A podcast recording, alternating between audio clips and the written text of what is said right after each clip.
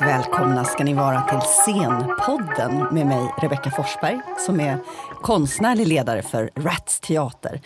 En forskningsscen här på Stockholms universitet. Med mig Karin Helander. Teaterprofessor på, också här på Stockholms universitet. Idag så ska vi prata om ett spännande ämne, nämligen scenkonst-Sverige i ett internationellt perspektiv. Och med oss som gäst har vi Linda Zackrisson. Välkommen! Tack så mycket. Linda, du är, säger man kulturråd? Kulturråd heter det sen eh, något decennium tillbaka. Förr i världen brukade man säga kulturattaché. Ja, för det var det jag hade på näthinnan. Och det säger en del fortfarande. Och jag har kollegor som heter militärattaché och så. Så att ja, jag ja, använder det också ja. ibland för att förklara. Och särskilt eftersom det ofta blir en sammanblandning med statens kulturråd. Just det. Mm. Men vad gör ett kulturråd? Det är jätteintressant. Och var finns du placerad? Ja, jag eh, sitter eh, på ambassaden, eh, det vackra House of Sweden som byggdes för tio år sedan och ritades av Gert Wingård och Thomas Hansen. Mitt mm. i Georgetown i Washington DC. Men med uppdrag att verka över hela USA. Oj, det är stort. det, är, det, är ganska stort. Ja. Eh, som tur är med hjälp av eh, konsulat och, och, många partners utanför. Men eh, där är jag sedan två år tillbaka. Och uppdraget kommer då ifrån? Kulturdepartementet är det mm. sedan tio år eh, tillbaka. Tidigare så låg eh, kulturattachéerna under utrikesdepartementet. Mm. Men nu så jobbar man väldigt tätt ihop med UD och kollegorna är därifrån. Mm. Men jag och åtta kollegor runt om i världen är utskickade av kultur och demokratiministern och kulturdepartementet med ett uppdrag som i korthet, det finns, eh, det finns ju olika nedbrutna målsättningar för oss att jobba efter men i huvudsak så står det att vi ska främja svensk konst och svenska konstnärer i vårt positioneringsland. Mm. Och hur många, du sa, vilka länder är det som kulturråd finns? Eh, ja, nu har jag en kollega i eh, London, en i Paris, en i Moskva, en i Berlin, mm. en i Istanbul som är relativt mm. tillfällig. Det provar man första mm. gången. Man hade Belgrad för några mm. år sedan och mm. man hade Tokyo också tillfälligt. Men just nu har vi Susi Ersahin i Istanbul på generalkonsulatet där. Och sen också i ehm, alldeles, sen alldeles nyligen. Hedda Kraus Sjögren som ju också har scenkonstbakgrund mm. har precis börjat i Pretoria för att jobba i Sydafrika. Just Fick jag med alla där? Nej, vi har en i Bryssel också och eh, eh, Mattias Lafoli som ju också är tidigare regissör i, i Peking i Kina. Oj, det är mm. många. Hinner ni ses någon gång? vi ses minst två gånger om året så det är mm. delvis därför jag är i Stockholm nu för att jag flög hem för att ha kulturrådsmöten som vi har varje mm. vår. Och sen så brukar vi eh, kombinera det med att eh, försöka få hit gäster. Eh, så att, och också tala om för världen att vi finns och vad vi gör. Så att eh, efter våra möten med varandra och kulturministern och det svenska kulturlivet och institutionerna här så drog en stor del av oss iväg till scenkonstbiennalen för att hålla ett seminarium där mot scenkonstbranschen om vad vi arbetar med och hur man kan ta kontakt med oss och sådär. För det, mm. det är en del som, det är lite mystiskt skimmer sådär ibland kring ja. det här med att vara kulturattaché, vad man ja, gör. Absolut. Och sen hade vi också, eh, flera av oss hade med oss gäster från våra länder. Så att jag eh, släpade runt på en delegation av, av sju eh, amerikanska regissörer och teaterchefer. Mm. Sex av dem från San Francisco och en från Washington. För att, för att sätta dem i kontakt med vårt fantastiska teater och scenkonstliv här. Mm. Och för att ta det aktuella då mm. exemplet, vad, vad, tyckte de här sju amerikanska gästerna om, om den svenska scenkonsten som man fick se på scenkonstbiennalen? Eh, eh, jo, men vi, har, vi delade väldigt många reflektioner. Jag tror de här arbetade fokuser, inte, de var inte alls fokuserade på barn, eh, på, på eh, scenkonst för barn. Jag hade eh, ett par gäster på Bibo förra året där vi, var fokuserade på det. Men jag tror ändå att det var faktiskt det som väldigt många av dem återkopplade till. Som gjorde det starkaste intrycket och där man ser den tydligaste skillnaden mellan vad som händer i USA och strukturer, attityder, inställning. Um, flera av dem återkom också till liksom stadsbilden och, och hur, hur synliga barn är i samhället, i, i liksom mm. i vardagen på något sätt. Mm. Vi, vi gick ju runt där i ett soligt Norrköping. Det var ju liksom en slags utopisk mm. upplevelse ja, nästan. Ja. För det var så här eh, halvnakna barn plaskandes i varenda liksom. Mm. Det var så otroligt idylliskt att liksom lekparkerna var en så stor del av staden. Att, det, att barnen var närvarande på ett annat sätt. Att man ser mammor och framförallt pappor mm. med barnvagnar och ammande föräldrar och sådär det, det, barnlivet i Amerika är enormt mycket mer privat på något sätt. Det är liksom hemma och gömt och mm. mer skyddat också. Ändå fanns det ju nästan ingen barnteater just på biennalen nej, ska man ju säga. Nej, jag vet. Men, men det, var, det var ett samtal som pågick om det. Ja. Och jag tror att det handlade om att eh, de två dagarna som, och som liksom satte ramen för hela deras upplevelse. För de två dagarna innan vi åkte dit så hade vi ett antal möten i Stockholm, bland annat med eh, flera dramatiker som ju beskrev hur de arbetade och skrev och tänkte på och också växlade mellan att skriva dramatik för vuxna och för barn. Mm. Eh, och vi besökte de stora institutionerna, vi besökte Unga Klara och deras ledning, konstnärliga ledning, vi besökte Dramaten och, och Stockholms stadsteater och flera andra ställen och där blev det så, så, så skarpt på något sätt. Mm. Att det fanns särskilda konstnärliga ledare som jobbar med det här som fokus, som har resurser, hur man jobbar med publikarbete, hur man bygger referensgrupper och förtroendet i publiken och sådär. Det var en av dem som sa, Mark Jackson som driver en eh, teater som heter Shotgun Players, han är också dramatiker, så han sa att de är liksom eh, McDonaldifierade mm. eh, och eh, det finns en, un, en, en, väldigt stark underhållningsdriv i mm. den amerikanska barnteatern som där man liksom väldigt ofta skruvar upp volymen på något sätt. Alltså, det ska vara hög musik och det ska vara roligt. Ja, det ska vara roligt. Mm. Liksom. Man ska, och när vi har eh, på ambassaden, jag har, har tagit dit gästspel. Vi har haft Mina Krok, vi har haft Marionetteatern, vi har haft Mina flera, koreograf. Ja, exakt, flera olika grupper som har kommit. Men till exempel så kom vi med Barbro Lindgrens eh, Sagan om den lilla farbrorn från Marionetteatern häromåret. Mm. Och spelade den på ett antal ställen. Och både föräldrarna och eh, de proffs som kom var så här, men tänk att barnen kan ha den här koncentrationen och liksom mm. det var ju så stillsamt mm. på något sätt. Mm. Det är som att man inte litar på den förmågan till uppmärksamhet från barn. Och det var också ett väldigt rabalder över att vi inte bjöd på snacks. Mm. För det ska också liksom, det ska ätas ja. och, och liksom tutas och roas. Liksom allt ja. samtidigt på något sätt.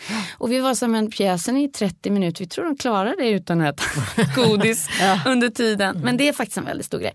Och, och eh, statusen för eh, scenkonst för unga. Men hur många produktioner från Sverige kommer till dig? Så hur många kan du ta emot?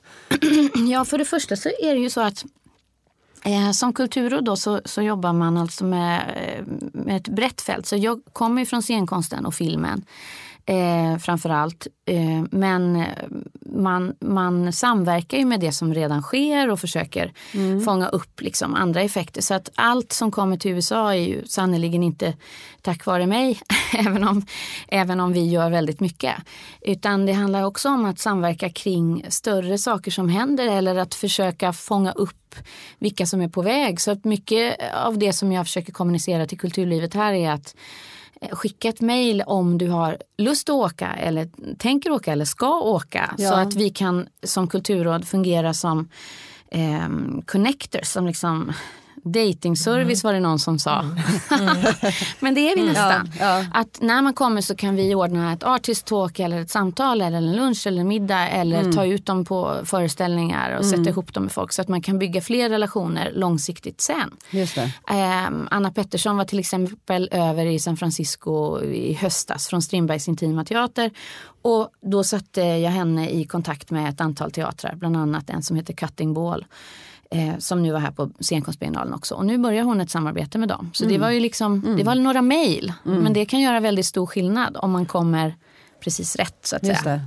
Men så att det kommer ganska mycket. Jag skulle säga att Eh, alltså, förra året så hade vi bara under en vår, det bloggade jag om på Kulturrådsbloggen, en, en, jag kallade det för en invasion av svensk dans till Washington. För då kom mm. det ju sju olika gästspel eh, under ett halvår. Mm.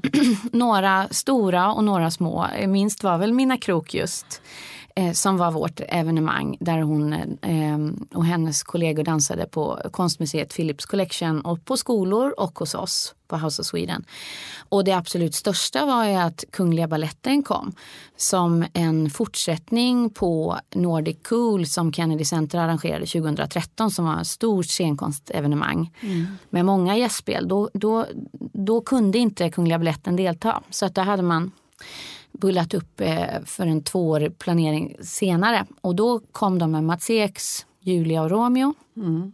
Och i samband med det så planerade vi att vi skulle ta över, då initierade jag att ta över eh, Dansmuseets utställning om Mats Eks livsverk som vi hade då parallellt med utställningarna några månader innan och efter. Och vi gjorde artist talks och mm. saker Så det är mycket runt, till det. Runt alltså, det. Ibland mm. är det det mm. och ibland är det att vi bygger från början. Ja, och bygger från början. Har ni en scen? Om man tänker ja. bara, hur ser det ut mm. där ni verkar, eller där du är?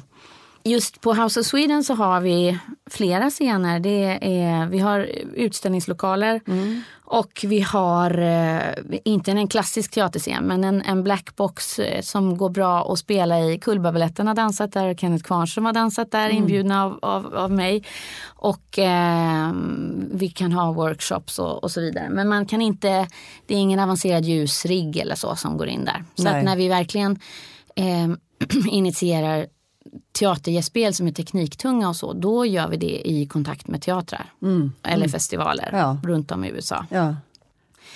Och nu har vi, i år så har vi eh, tema migration eh, kring hela vår programläggning som, som, som eh, genomsyrar mycket av det vi väljer. Så vi har en, en stor utställning som eh, Svenska institutet har tagit fram tillsammans med oss som sätter en kontext kring hela eh, debatten kring migration och debatten kring migration i Sverige också en historisk kontext. Mm. Eftersom mm. Eh, 25 procent faktiskt av Sveriges befolkning, en av fyra miljoner svenskar, utvandrade till USA. Mm. Eh, för dryga hundra år sedan. Det är väldigt få som känner till det och hur fattiga vi var då. Mm. Och sen hur det där har vänt och hur det ser ut nu och vad som sker i samhället. Och också för att väldigt mycket av det som vi jobbar med genom konst eh, och, och, olika sorters konstformer, också scenkonst, kan eh, öppna för diskussioner, debatter och känslor eh, som kan vara mycket mer komplexa mm. än vad stora delar av debatten är idag. Mm. Sen vi har på undervåningen i vår Nobelhall som den heter, som är liksom den här blackboxen. Där hänger på väggarna nu Magnus Wennmans eh, utställning som var på Fotografiska Where the Children Sleep. Eh, om barn på flykt från Syrien. Mm. Ehm, och den är ju väldigt, den är väldigt tuff och det är också meningen. Mm. Och så i samband med det så, så programlägger vi fil, svenska filmer som handlar om migration. Ehm, och också samtal. Vi hade Timbuktu för ett tag sedan till exempel. Mm. Som också representerar scenkonst på många sätt. Som, som talade utifrån sin bok En droppe midnatt. Som ska upp i höst i Farnas Arbabis mm. eh, regi såg jag. Eh, tillsammans med ett band från Harlem också. Och beskrev liksom sin, både sin resa och sina föräldrars resa från USA till Sverige. Och hur han sen återupptäckte det och tittade på rasismen i bägge länderna. Ja, det var, en av ja. dina bloggar mm. som är jätteläsvärda kan man också säga, kulturbloggarna, eh, så skriver du om att nu, har, nu sen november så har teaterklimatet i Washington politiserats på ett sätt som inte alls var förut och man tänker det har väl med Trump att göra. Kan du inte säga någonting om, om det, den jo. politiseringen? det gör jag gärna. Um, det, det är ju, nu har jag ju kommit precis i den här tiden där, där det sker mm. och, och, och, landat mitt i en i en chockad nation, i en chockad värld. Men man är ju väldigt nära den här diskussionen på något sätt. Och det som har varit väldigt tydligt är att väldigt många eh, konstnärer både reagerade eh, inför eh, tillträdandet av den nya presidenten. En del konsthallar och sådär eh, höll stängt. Även de största, typ MoMA i New York Eh, och andra hängde om sina samlingar när hans reseförbud eh, lades fram som förslag till mm, exempel. Mm. Men det finns också en, en retorik i kulturlivet som, som många beskriver som ny, som har varit där långt innan jag kom. Ehm, och ett slags uppvaknande där man både är ganska självkritisk till att man liksom litade på att det skulle bli på ett annat sätt. Och eh, rannsakar sig själva ganska mycket om vilka man kommunicerar med och hur man kommunicerar och sådär. Och eh, en, en, eh, en diskussion då som handlar om att man som konstnär har en plattform, att man är en kommunikatör, att man har en stor tillit från väldigt många människor och att man i den rollen faktiskt inte längre har tid att liksom inte fundera över varenda rörelse man gör eller uttalande man gör. Mm. Så det har växt fram nya begrepp som citizen artistship till exempel som är ganska spännande. Att som konstnär så är du också medborgare med ett medborgerligt ansvar. Mm. Hur du nu väljer att ta det, men att du måste ställa den frågan. Och, och många, även etablerade scenkonstnärer som Rennie Fleming och Jojo Ma, musiker, ehm, eh, driver detta. Och många kallas aktivister på ett sätt som det ordet har liksom varit lite ganska marginaliserat ett tag. tror jag. Det känns ju nästan liksom tillbaka till slutet på 60-talet. Och, ja, och det är många som beskriver det. för att också kring, eh, menar, när, Women's March var dagen efter presidentens tillträdande till exempel, då var det ju eh, ett inte litet antal eh, människor som åkte in från hela världen. Från Sverige kom mm. Susanne Osten och Ann-Sofie mm. Barany deltog till exempel i marschen men, eh, men det var ju den största protest sen 60-talet. Och den var ju större än medborgarrättsprotesterna. Mm, mm. Även om det är svårt att, att, föreställa sig. Men det säger de. Men då kom det också en del, på 60-talet, en del eh, grupper, Living Theatre och så, ja. tänker jag på. Ja. Och eh, anarkistiska, politiska rörelser inom scenkonsten och inom konsten överhuvudtaget. Mm. Händer det nu också att det uppstår den typen av grupper eller ja, scenkonstgrupperingar och konstnärer? Ja absolut och sen eh, olika initiativ, jag menar, många också diskussionsbaserade och eh, det skrivs en del nya pjäser. Så debatten som pågår nu också är ju lite grann hur bra blir det då? Mm. Alltså, eh, och just, just den här första vändan är det kanske inte framförallt det det har handlat Nej. om utan att, utan att det blir något och att mm. det blir en rörelse och att det blir en ett uppvaknande på något sätt och en mobilisering. Eh, men sen handlar det ju om hur långt ut den når så att säga. Jag menar, staden Washington har 600 000 invånare, över 80 teatrar mm. och 98 procent av de som bor där röstar på Demokraterna. Mm. Så att det är ju, det är ju apropå bubbla mm. så kan man ju liksom preaching for the choir som man säger. Mm. Mm. Mm. det är ju en problematik som också folk arbetar väldigt mycket med. Men vad kan Sverige då ha för betydelse i ett land där, där det här fria ordet och fria kulturlivet finns under hot? Ja, jag tror, eh, det, det, jag tror att vi har en stor betydelse faktiskt eh, och kan, göra, kan stå för ett alternativ, beskriva alternativa strategier och modeller med den nordiska modellen till exempel. Nu på, på lördag eh, så ska alla de nordiska ambassadörerna och ambassaderna med hela personalen marschera för andra året i Pride tåget mm. i Washington till exempel. Mm. Det är bara ett fåtal ambassader som gör den eh, det manifestationen. Ja, manifestationen. Ja. Men, men eh, jag puttade på där eh, förra året och det blir ju väldigt uppmärksammat.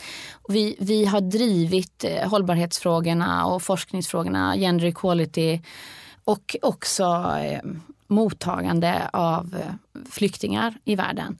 Men, så att där är det ju med de 200 eh, 000 drygt som vi tog emot de senaste två åren så var ju motsvarigheten i USA borde varit 6 miljoner om man mm. tittar på en mm. jämförelse per capita. Mm. Och det tål att sägas om och om igen. Mm.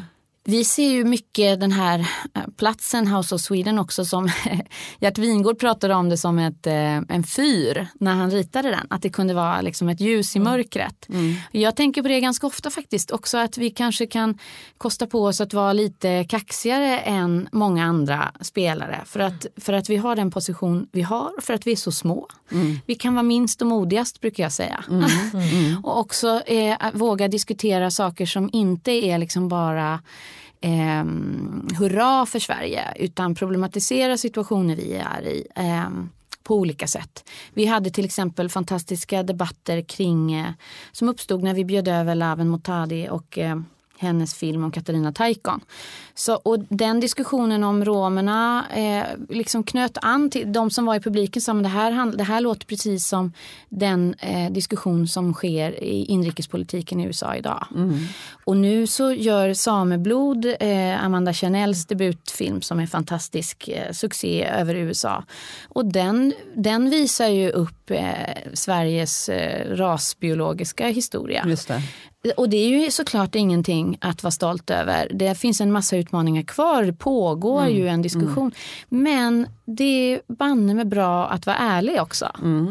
Då lägger vi mm. upp så det, det vi blottar halsen. Halleluja. Nej, utan att när vi blottar halsen så uppstår det mm. väldigt spännande diskussioner mm. som också kan vara multilaterala som man säger på UD-språk. Och inte alltid bara bilaterala. Men just jag tänker på hur, då, man får ju en väldigt bra bild av hur du jobbar, hur ni jobbar tycker jag när du berättar om det. Men hur, jag tänker att förutsättningarna måste ju vara helt annorlunda om man är kulturråd i, i Washington då, eller i Berlin eller Peking eller i Istanbul. Eh, hur mm. mycket mm. diskuterar ni det? Ni, nu har det just setts i, i Stockholm alla mm. kulturråden. Men hur, Ja, vi diskuterar det väldigt mycket. Jag tror att den, den gemensamma nämnaren som vi alla försöker utveckla mer och mer är väl just det där kontaktskapandet. För det kan man faktiskt göra oavsett institutionsbas eller eh, tillåtelser eller regelverk. Det, det, så att, så att eh, några jobbar kanske ännu mer informellt, några jobbar ännu mer från sitt hem nästan som en representationslokal. Eh, som inte har en eh, offentlig byggnad som jag har att verka i och, och kanske inte lika öppen stor öppenhet heller. Amerikaner är väldigt lätta att, att samarbeta med mm. på, ett, på mm. ett fantastiskt sätt. Det finns mm. liksom, det finns en, jag tror att det kanske också handlar om att ha um, ekonomiskt eh, kniven mot strupen. Även de tyngsta, mest etablerade, även nationella kulturinstitutionerna i USA har sällan mer än 1 till 4 procent offentligt stöd. Resten resten av resurserna ska de skaffa sig. Mm. Och, och det skapar ju på något sätt en attityd där man alltid är på tå och alltid är nyfiken och alltid måste lyssna efter alla initiativ, även från Svenska kulturråd som man aldrig har hört talas om tidigare, när jag kommer och knackar på. Så att det finns en väldig liksom, rörelse i det där och potential. Men det är mycket privata sponsorer och, och, och så då? Som dominerar ja. kulturlivet i USA, ja. ja absolut. Individuella eh, givare, mecenater mm. och eh, stiftelser. Mm. Och såklart ett, ett ständigt flöde av biljettintäkter och så vidare. Hur blir man kulturråd?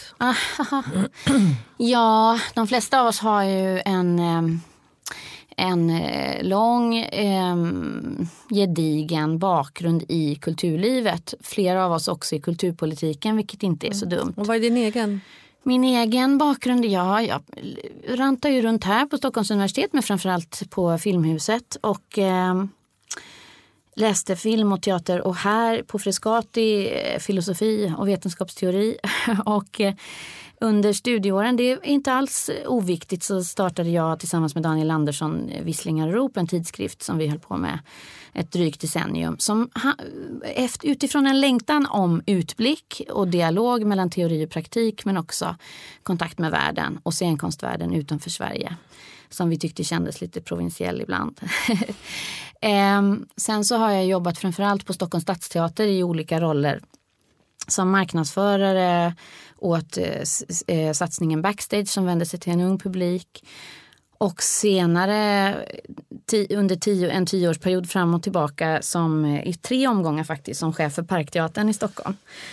Och eh, under ett par år också ansvarig som för en internationell gästspelscen som heter Care of där jag plockade in gästspel, bland annat från USA, mm. till, till Stockholm. Och sen har jag haft några utflykter, bland annat som vd på Cirkus i Kör, vilket också var en väldigt formativ tid. Både i etablerandet av Cirkör i Botkyrka men också med att jobba internationellt och bygga turnéer och sådär. Med hög självfinansieringsrisk. Mm. Eh, som eh, politisk sakkunnig åt Pagrotsky när han var utbildnings och kulturminister 2004 till 2006 där jag fick min kunskap också om hur regeringskansliet fungerar som mm. har varit väldigt nyttigt i, den här, i det här uppdraget. Och sen några år i filmpolitiken också som anställd på eh, Svenska Filminstitutet. Men Pagrotsky, det var socialdemokratiska... Det var det. Men kulturråden är inte alls politiskt tillsatta? Eller? Nej, De sitter nej. kvar oavsett regering? Så att ja, säga. absolut. Nej, vi är opolitiskt tillsatta. Men vi följer ju eh, och vi följer de kulturpolitiska målen som inte heller är politiska. Men vi har ju tät dialog med regeringen hemma. Så att vi, jag menar nu, en, en stor del av det vi driver till exempel i USA och på många andra ställen handlar ju om feminist foreign policy till exempel. Mm. Där vi kan lyfta fram kvinnor hela tiden. Um, som är också väldigt tacksamt och roligt att jobba med. Vad förväntade du dig när du tog, tog jobbet? jobbet?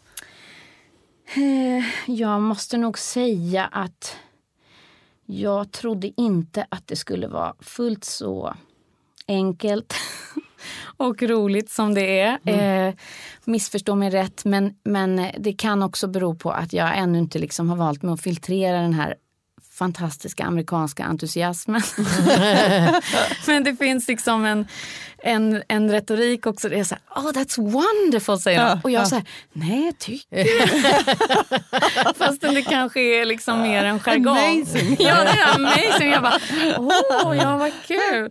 Nej men det, det, det finns en väldig, en väldig generositet tycker jag, eh, som man möter hela tiden. Och som, om man vågar rida på den och vara lite sådär lagom skamlös ja. så kan det hända väldigt mycket saker. Ja. Alltså folk delar med sig av nätverk väldigt snabbt och det är liksom så här, ah, do you want me to introduce you to? Mm, och sen mm. så skriver de något mail där det är så här, this is Linda, meet her, she's amazing. Och så tänker man, du har ju träffat mig ja. en och en halv minut. Men okej okay då. och så, så delar man sådär. Så att, Eh, och också i, i, i, en stad som Washington så är det ett flöde av människor hela tiden. Så det, finns, det finns en vana vid att ta emot en, en, en och umgås i en internationell community och det handlar liksom mer om att plocka chanserna hela tiden på något sätt och vara ganska fräck. Liksom. Mm. Och driva sin linje. För ja. Jag vet att vi träffades eh, mm. precis innan du skulle mm. sticka och då mm. var du lite nervös för det här med ett eh, cocktailparty, att du skulle hamna på det hela tiden. Ja, och nej, inte det... kunna driva din egen, ja. egen linje. Det låter absolut nej, inte då, som det att det är inte så mycket cocktail, det är väl för lite cocktail tycker jag. Fast det låter som du nästan har genomgått en, en aningens personlighetsförändring av Kanske. det här fräcka, entusiastiska, det har du alltid varit, men ändå gå på er då. Ja, nej men det det är ju faktiskt så att det finns, eh, det, finns, eh, det finns en större öppenhet hos även de mest etablerade institutionerna för att ta emot idéer. Det var jag inte jag riktigt mm, beredd på. Men som ja. ähm, National Book Festival till exempel som är USAs liksom största, eh, största bokmässa. Det kommer 200 000 besökare per mm. år. Det är i Library of Congress, denna makalösa byggnad där precis bredvid Capitol Hill. Jag lärde känna en, en person som arbetade där och så föreslog jag, för det handlar ju rätt mycket om att hålla koll på vad är på väg till Sverige? Vilka kommersiella aspekter finns det väga in? Vilka böcker är på väg att ges mm. ut? Vilka filmer ska distribueras och så mm. vidare. Och så försöka få in det där. Så jag föreslog till exempel att Jonas Hassan Khemiri skulle komma eh, och, och tala på deras bokfestival för att hans nya bok skulle komma för att han är en spännande svensk författare. Och då säger de till min förvåning ja, men ja tack. Ja. Om du kan sy ihop det och sådär. Så sökte jag pengar, fick en liten pott som gjorde hela skillnaden från Statens kulturråd just. Och så sydde vi ihop ett veckolångt program för honom och eh, han kom och eh, han gjorde en lysande föreläsning eh, som han brukar. Men, och vi gjorde ett antal andra nedslag också. Men det var också ett nätverksarbete som också uppstod i, i stunden. så att säga. Mm. För på en middag till exempel så blev han introducerad för Joyce Carol Oates.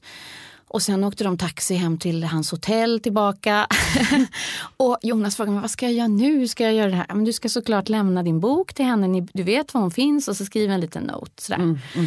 Ehm, och några månader senare så skrev hon om årets tre bästa böcker i The Times. Och då mm. nämnde hon Jonas, eh, Allt jag inte minns.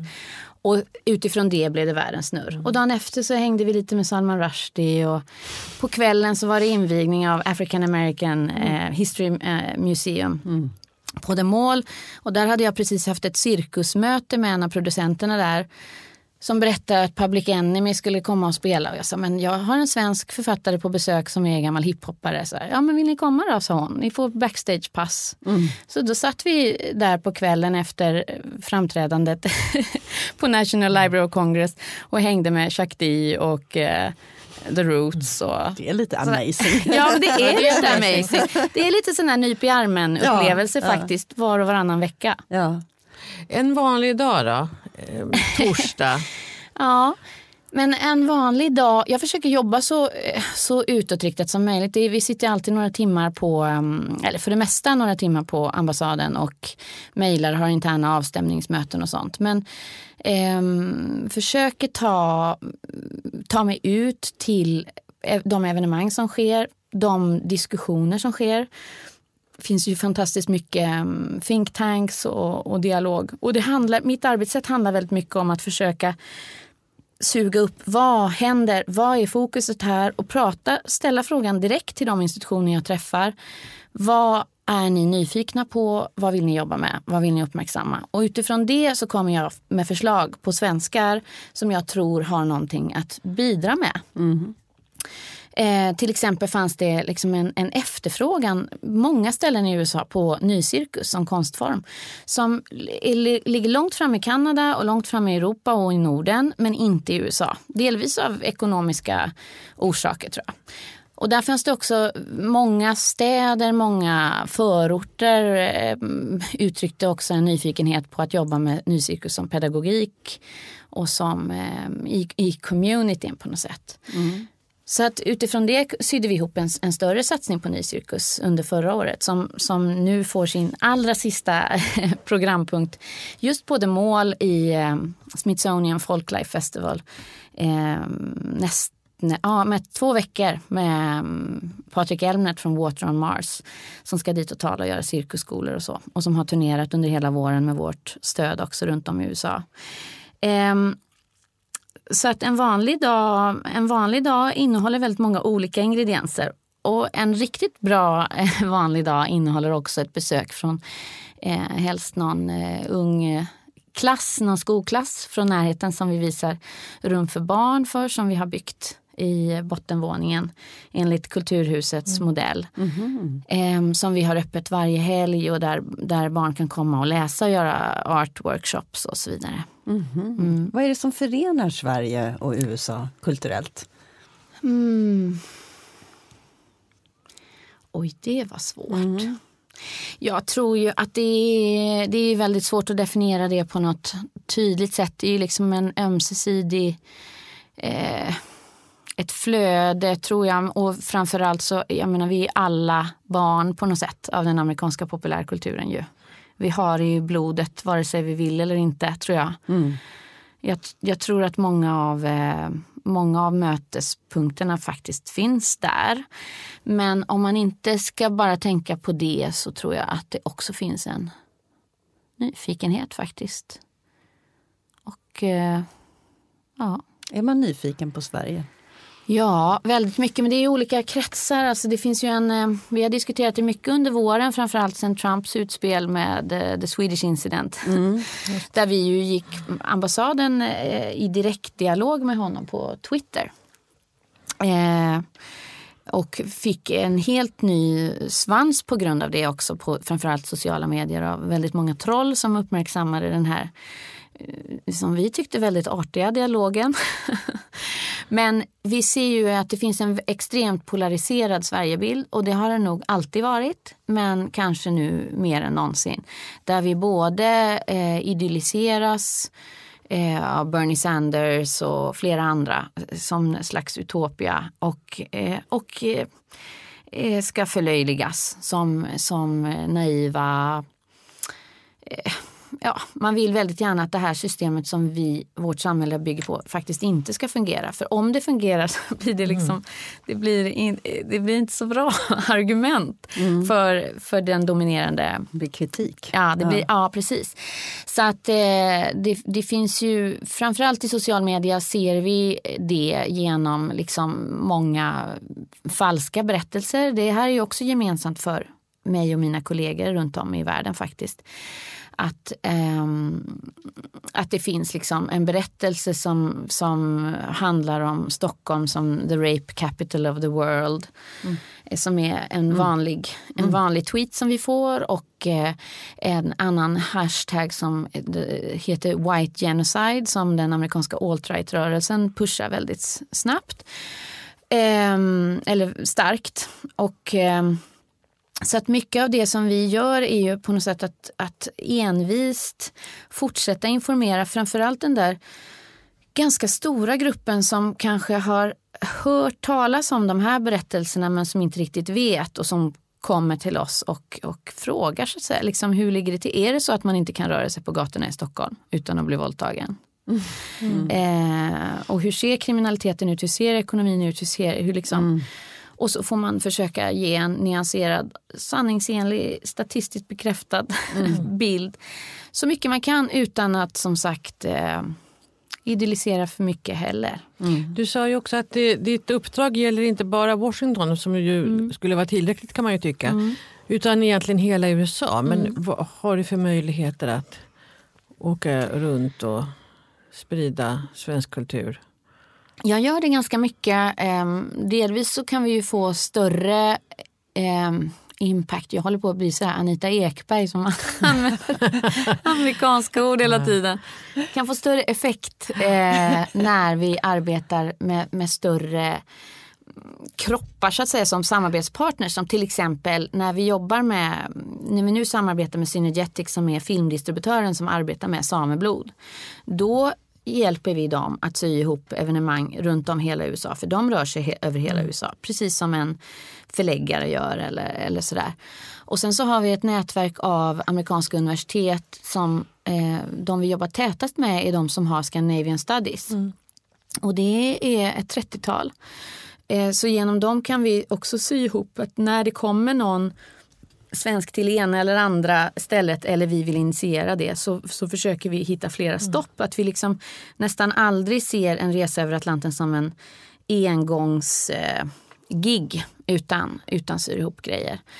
Och sen så finns det institutioner över hela USA. Festivaler och eh, venues, eller på säga, vad heter det? Spel... Arenor. Arenor, ja precis.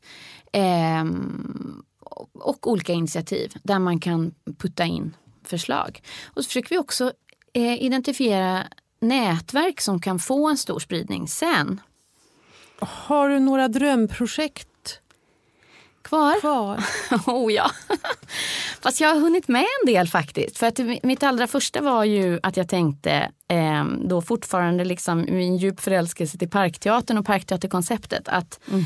att eh, dra igång det i USA. Så det gjorde vi eh, och det fortsätter. Vi har i sommar, det heter Sweden in the Park. Mm. Så då gör vi en massa utomhusevenemang. Vi gjorde mm. barnteater. Nu i sommar så är det fokus på dans och folkmusik i en park som heter Glen Echo Park och så också den här cirkusen på The Mall snart. Eh, också för att komma ut, apropå cocktailparty-skräck, mm. att liksom komma ut från cocktailparty-evenemangen och eh, envist kommunicera med och bjuda in de publikgrupper i den här segregerade staden Washington till exempel som inte känner till att vi, det finns ett vackert glashus som de kan gå och titta på eh, konstworkshops och föreställningar i och så vidare. Mm. Så det är ett sånt där drömkoncept som jag vill fortsätta utveckla.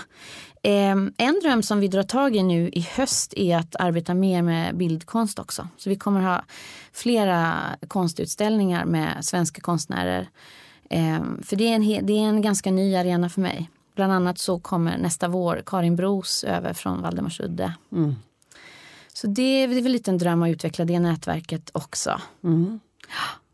Tack Linda Zachrisson för att du kom hit till Scenpodden och delade med dig om Scenkonst Sverige internationellt. Det har varit otroligt roligt att ha dig här och höra, höra ditt arbete. Mm, tack, tack, själva. Mm, tack Karin.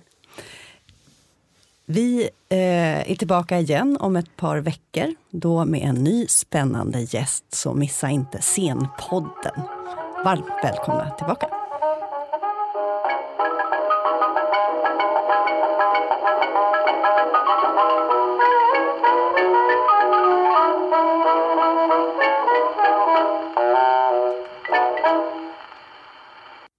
Du har lyssnat på Scenpodden, en podcast från Rats Teater och Humanistiska fakulteten vid Stockholms universitet. Podden spelas in på Språkstudion och tekniker är Henrik Nordgren.